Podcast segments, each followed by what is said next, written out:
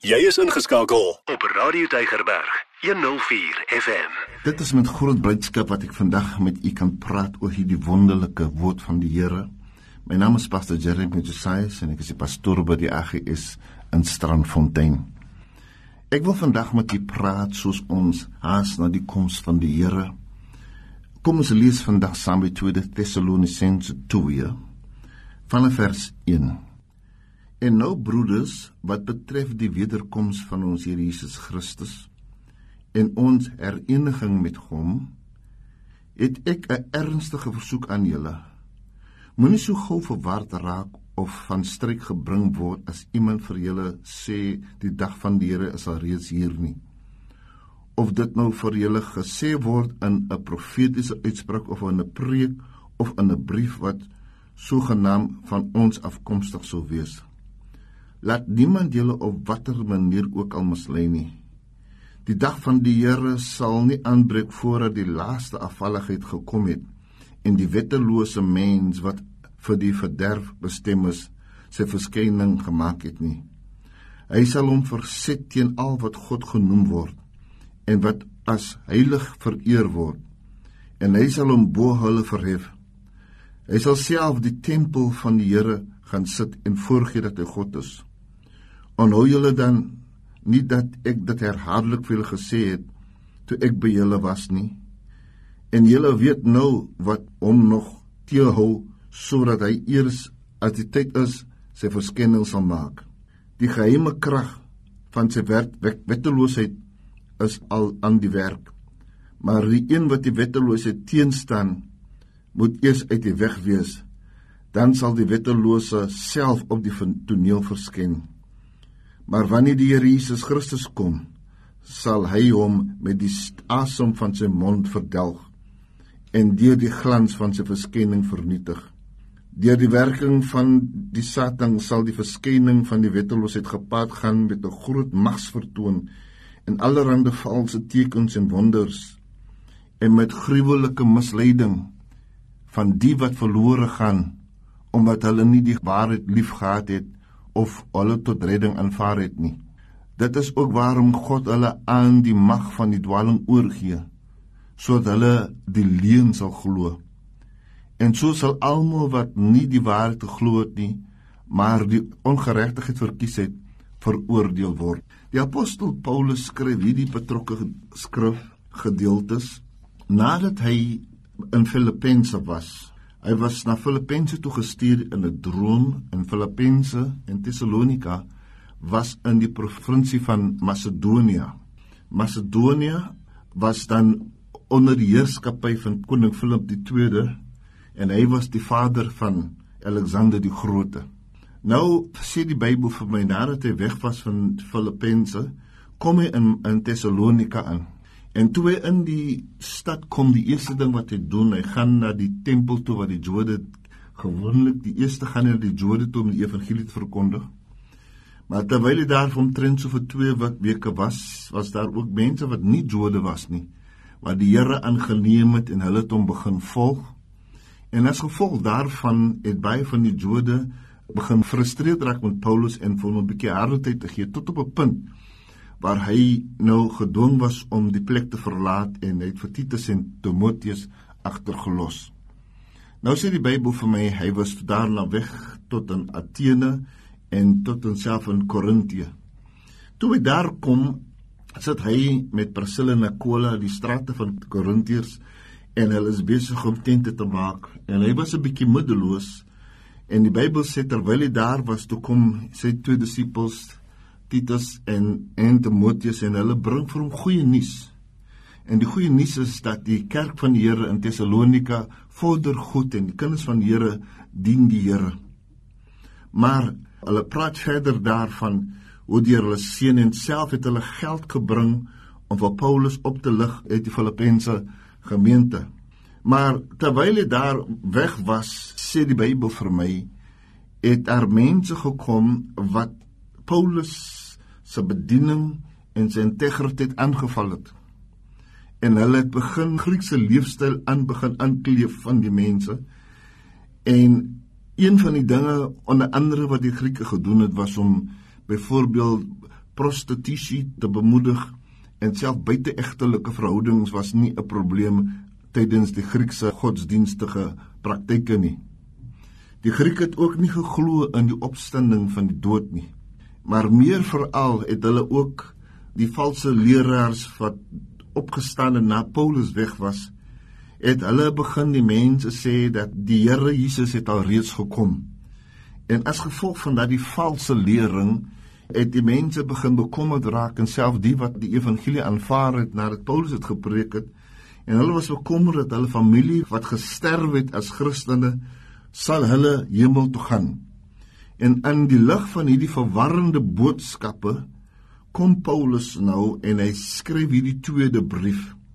Sy eerste brief wat hy vir Tessalonika gestuur het was 'n warm en 'n vriendelike en opheffende brief, maar hierdie ene was 'n 'n ferm en 'n koel brief en hierdie brief was geskrywe om sy integriteit te beskerm, sy goeie naam te beskerm en meer as al om die valse leringe wat van daardie tyd deur hierdie mense verkondig was aan te spreek. Daarom begin hy nou in hoofstuk 2 vers 2 en hy sê vir hulle dat hulle moet in die eerste plek onthou dat Jesus het nog nie gekom nie.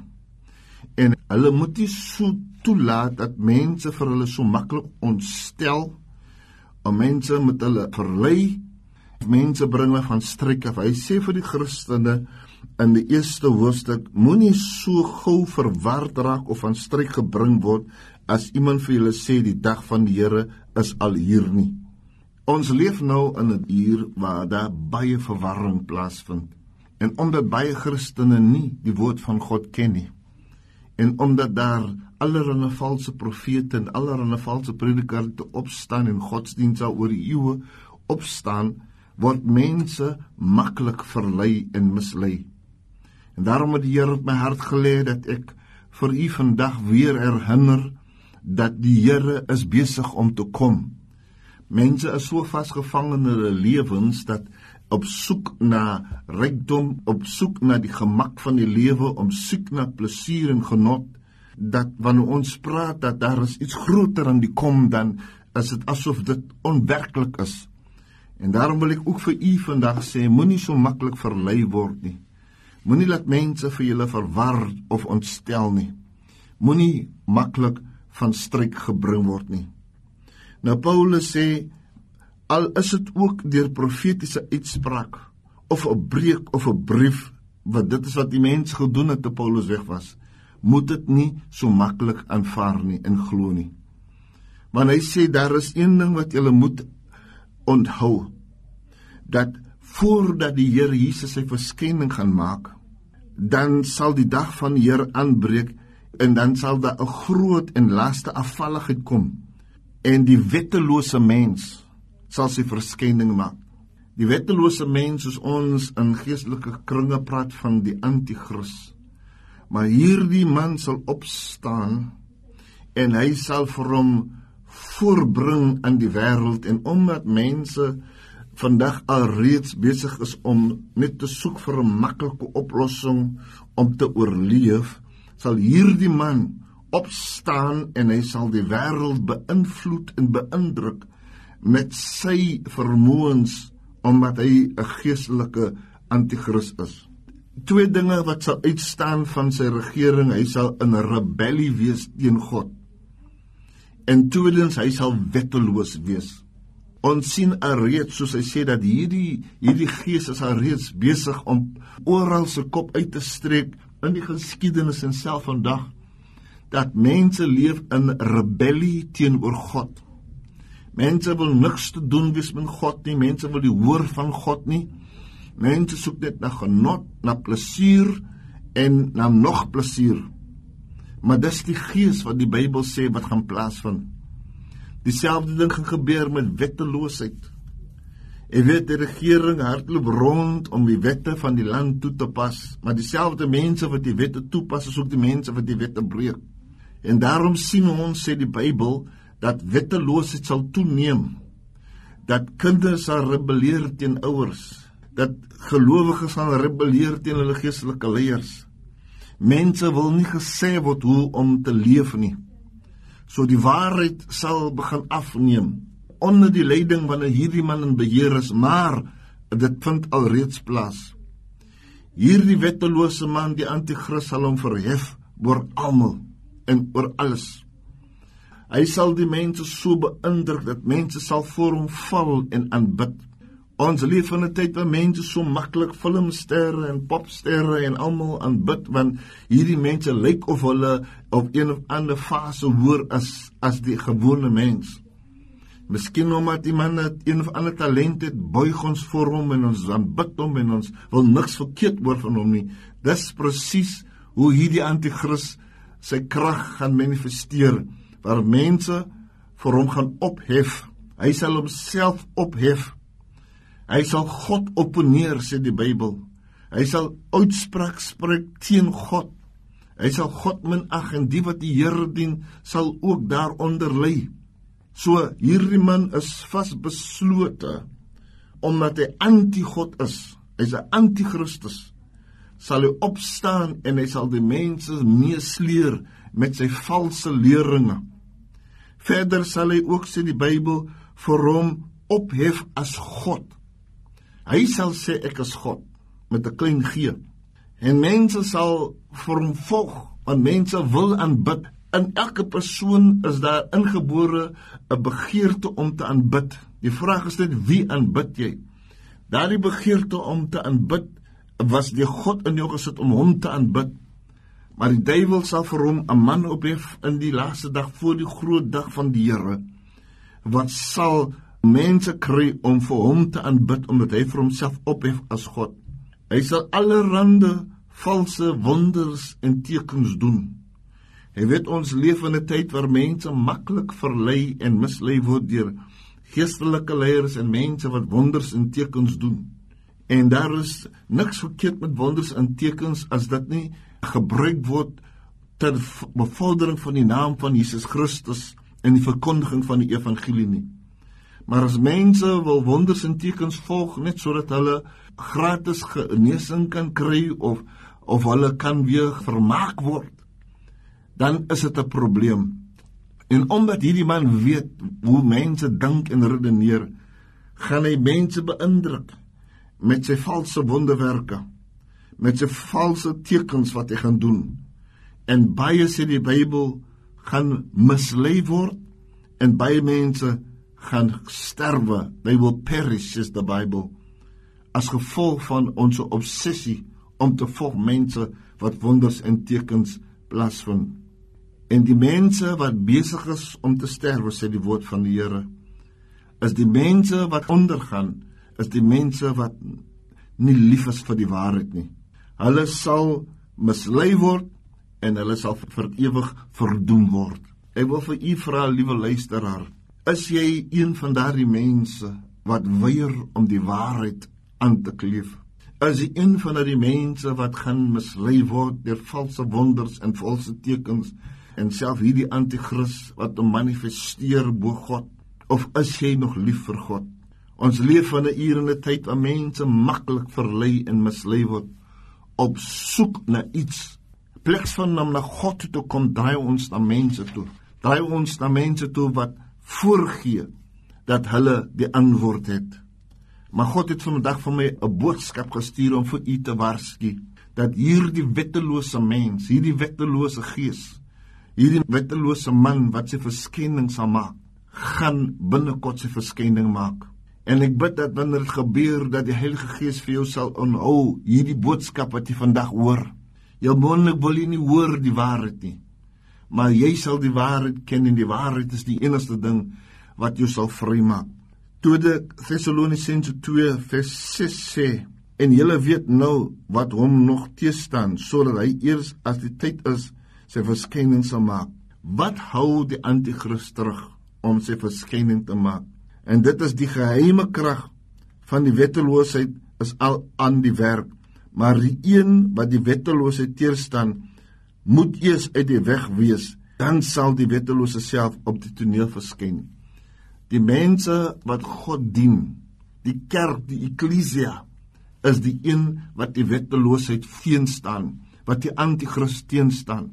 Maar die kerk van die Here sal nie vir altyd hier op die aarde wees nie.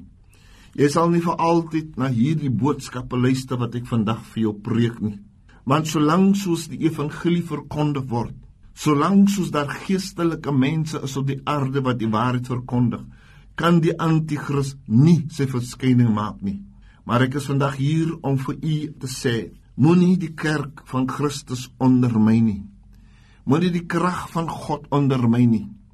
Hy is in staat vandag om elke demoon, elke mag wat hulle wil manifesteer, staan die kerk teen omdat hulle deur God geroep word. Die Bybel sê wanneer die dag aanbreek wanneer die kerk nie meer op die aarde sal wees nie en dan sal die mag van die duiwel oorvat en mense sal hulle oorgee in sedeloosheid, roekeloosheid, wetteloosheid wat alreeds besig is om te gebeur. Maar wanneer die dag van die Here kom in vers 8 sê en dan sal die wetteloosheid self op die toneel verskyn. Maar wanneer die Jesus kom, sal hy met die asem van sy mond om verdelg deur die glans van sy verskyning te te vernietig. Die manier hoe die anti-kris en almal wat hom volg tot 'n einde gaan kom. Die Bybel sê die asem van God se mond is genoeg om hom tot 'n einde te bring. Jy weet baie van u het 'n minagtende houding en 'n veragtende houding teenoor God, teenoor sy woord. Maar ek wil vandag vir jou sê hierdie God wat ons dien is 'n groot God. Hierdie God wat ons dien is 'n almagtige God. Hierdie is die God wat die hemel en die aarde geskaap het. En hierdie wettelose man, hierdie anti-kris met al sy demone en magte wat uit is om hierdie wêreld mee te sleer, wanneer Jesus verskyn en sy verskyning maak om sy kinders weg te neem, dan sal hy met die asem van sy mond hierdie anti-kris tot 'n einde bring. Ek wil vandag vir u vandag sê, op wiese kant is jy? Gaan jy agter die valse beloftes van hierdie wêreld wat tot 'n einde gaan kom? Of wil jy vandag nie die God dien wat gister en vandag en tot in alle ewigheid is hy dieselfde nie? Hy sal nooit verander nie. Hy sal nooit verdwyn nie. Hy is met ons tot aan die einde van die wêreld. Selfs wanneer hy op die toneel sal verskyn, die glans van sy verskyning sal hierdie anti-kris en almal wat hom aanbid en almal wat hom volg tot niet bring. Dit is die groot God wat ek vandag voor u hou.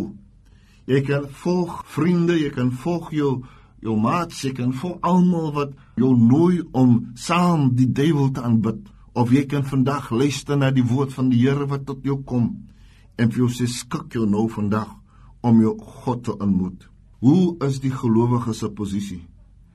Eerstens, vers 13 sê dit so treffend. Ons moet God altyd vir julle dank broeders. Die Here het julle lief en God het julle uitverkies om vir die eerstes te wees wat gered kan word. Die Here wil vandag vir u sê dat God is lief vir jou. Mense misbruik en gebruik jou. God is lief vir jou en omdat hy lief is vir jou, wil hy jou vandag red. Die Here wil jou vandag vryset en dit is wat Paulus skryf aan die gemeente in Tessalonika. Hy sê omdat God julle gekies het en omdat julle in hom glo en in die waarheid glo, daarom het die Here vir julle afgesonder sodat hy vir julle kan eendag saam met hom neem. Vers 14 sê hy het vir julle hiertoe geroep deur die evangelie wat aan julle verkondig is sodat julle deel kan kry aan die heerlikheid van ons Here Jesus Christus. Ons is geroep vandag. Ek is vandag hier geroep om die evangelie aan u te verkondig sodat jy vandag deel kan wees van hierdie wonderlike glorie wat binnekort gaan plaasvind op die aarde. Mense sê julle sê so lank dat Jesus kom en het nou nog nie gekom nie. Jy weet vandag sterf mense nog voordat hulle alles self die middel van hulle lewe kan bereik. Nou onlangs toe praat ek met 'n sekere vader en ek vra vir hom, ek hoor jou seun is dood. Hy sê vir my nee, dit is nie my seun nie. Hy sê dis my kleinseun. En ek was geskok om te dink dat en hierdie vader homself is in sy 70's en ek was baie siek vir 2 maande en jy verwag dat so groot man sal sterwe nou van die uit sy kleinseun, nie sy eie seun nie, is dood. So daar is niks waarborge van ouderdom is geen waarborg dat jy vir altyd gaan leef nie. Die enigste waarborg wat ons vir jou kan gee is net dat jy vandag die Here aanneem en sodat as jou uur aanbreek dat jy kan gereed wees. Moenie die massas volg nie. Volg Christus Jesus. Vers 15 sê: "Wees dan standvastig, broeders, en hou vas aan die leer wat ons aan julle oorgedra het, of dit deur ons prediker of deur brief was. Staan vas vandag. Moenie beweeg nie en doen die wil van God, sodat die Here vir jou ook kan behou. Hou vas aan die waarheid, hou vas aan die leringe en doen die wil van die Here. Ek weet vandag dat daar is baie versoekings. Ek weet dat die duiwel se plan is om onstabiliteit in jou geestelike lewe te bring. Maar die woord van die Here sê vandag vir jou staan vas. Hou vas aan die waarheid en aan die leringe van God. Vers 16 sê dit so mooi en mag julle in al die goeie wat julle in woord en daad doen bemoedig en gesterk word deur ons Here Jesus Christus en God ons Vader. Hy het aan ons sy liefde bewys en aan ons deur sy genade 'n blywende troos en 'n goeie hoop gegee. Bemoedig jou hart vandag. Wees sterk, doen elke goeie daad wat die Here van jou verlang. Bly hou jou geloof aan die Here. Bly hou jou hoop in Hom. Bly hou jou liefde in Hom. Draai af van sataniese en demoniese aanbiddings en materialistiese aanbiddings en draai vandag na God toe. Die koms van die Here is naby. Die predikante preek dit nie meer nie, want almal wil praat van almal wil almal gelukkig hou. Ons wil praat van sukses, ons wil praat van geld, ons wil praat van vooruitgang. Maar ek is vandag vir hier om te sê, soos ons kyk na ons ons wêreld en wat gebeur, dan wil ek vir jou sê, kry jou gereed, want die dag is spoedig hier. Net daar wat jy is vandag, as jy in jou harte besluit maak en God praat met jou, en jy weet dat God wil jou siel red, jy weet vandag jy moet jou lewe verander. Ek wil hê jy moet net jou hoof buig daar wat jy is en bid saam met my hierdie gebed. En ek weet vandag as jy dit opreg bedoel dat die Here vandag jou siel gaan red, jou lewe gaan verander en vir jou vandag 'n nuwe hoop gee. Vader, ek bring my lewe vir U vandag. Ek erken dat ek 'n sondaar was. Ek weet as ek nie my lewe na U toe draai nie, dan sal ek met die menigte sterwe, met die anti-kris sterwe. Maar vandag kom ek na U toe. Vergewe my sondes was my in die kosbare bloed. Ek neem U aan as my Here en Saligmaker. So wanneer U binnekort U verskending sal maak, dat ek met die wat gered is sal gaan.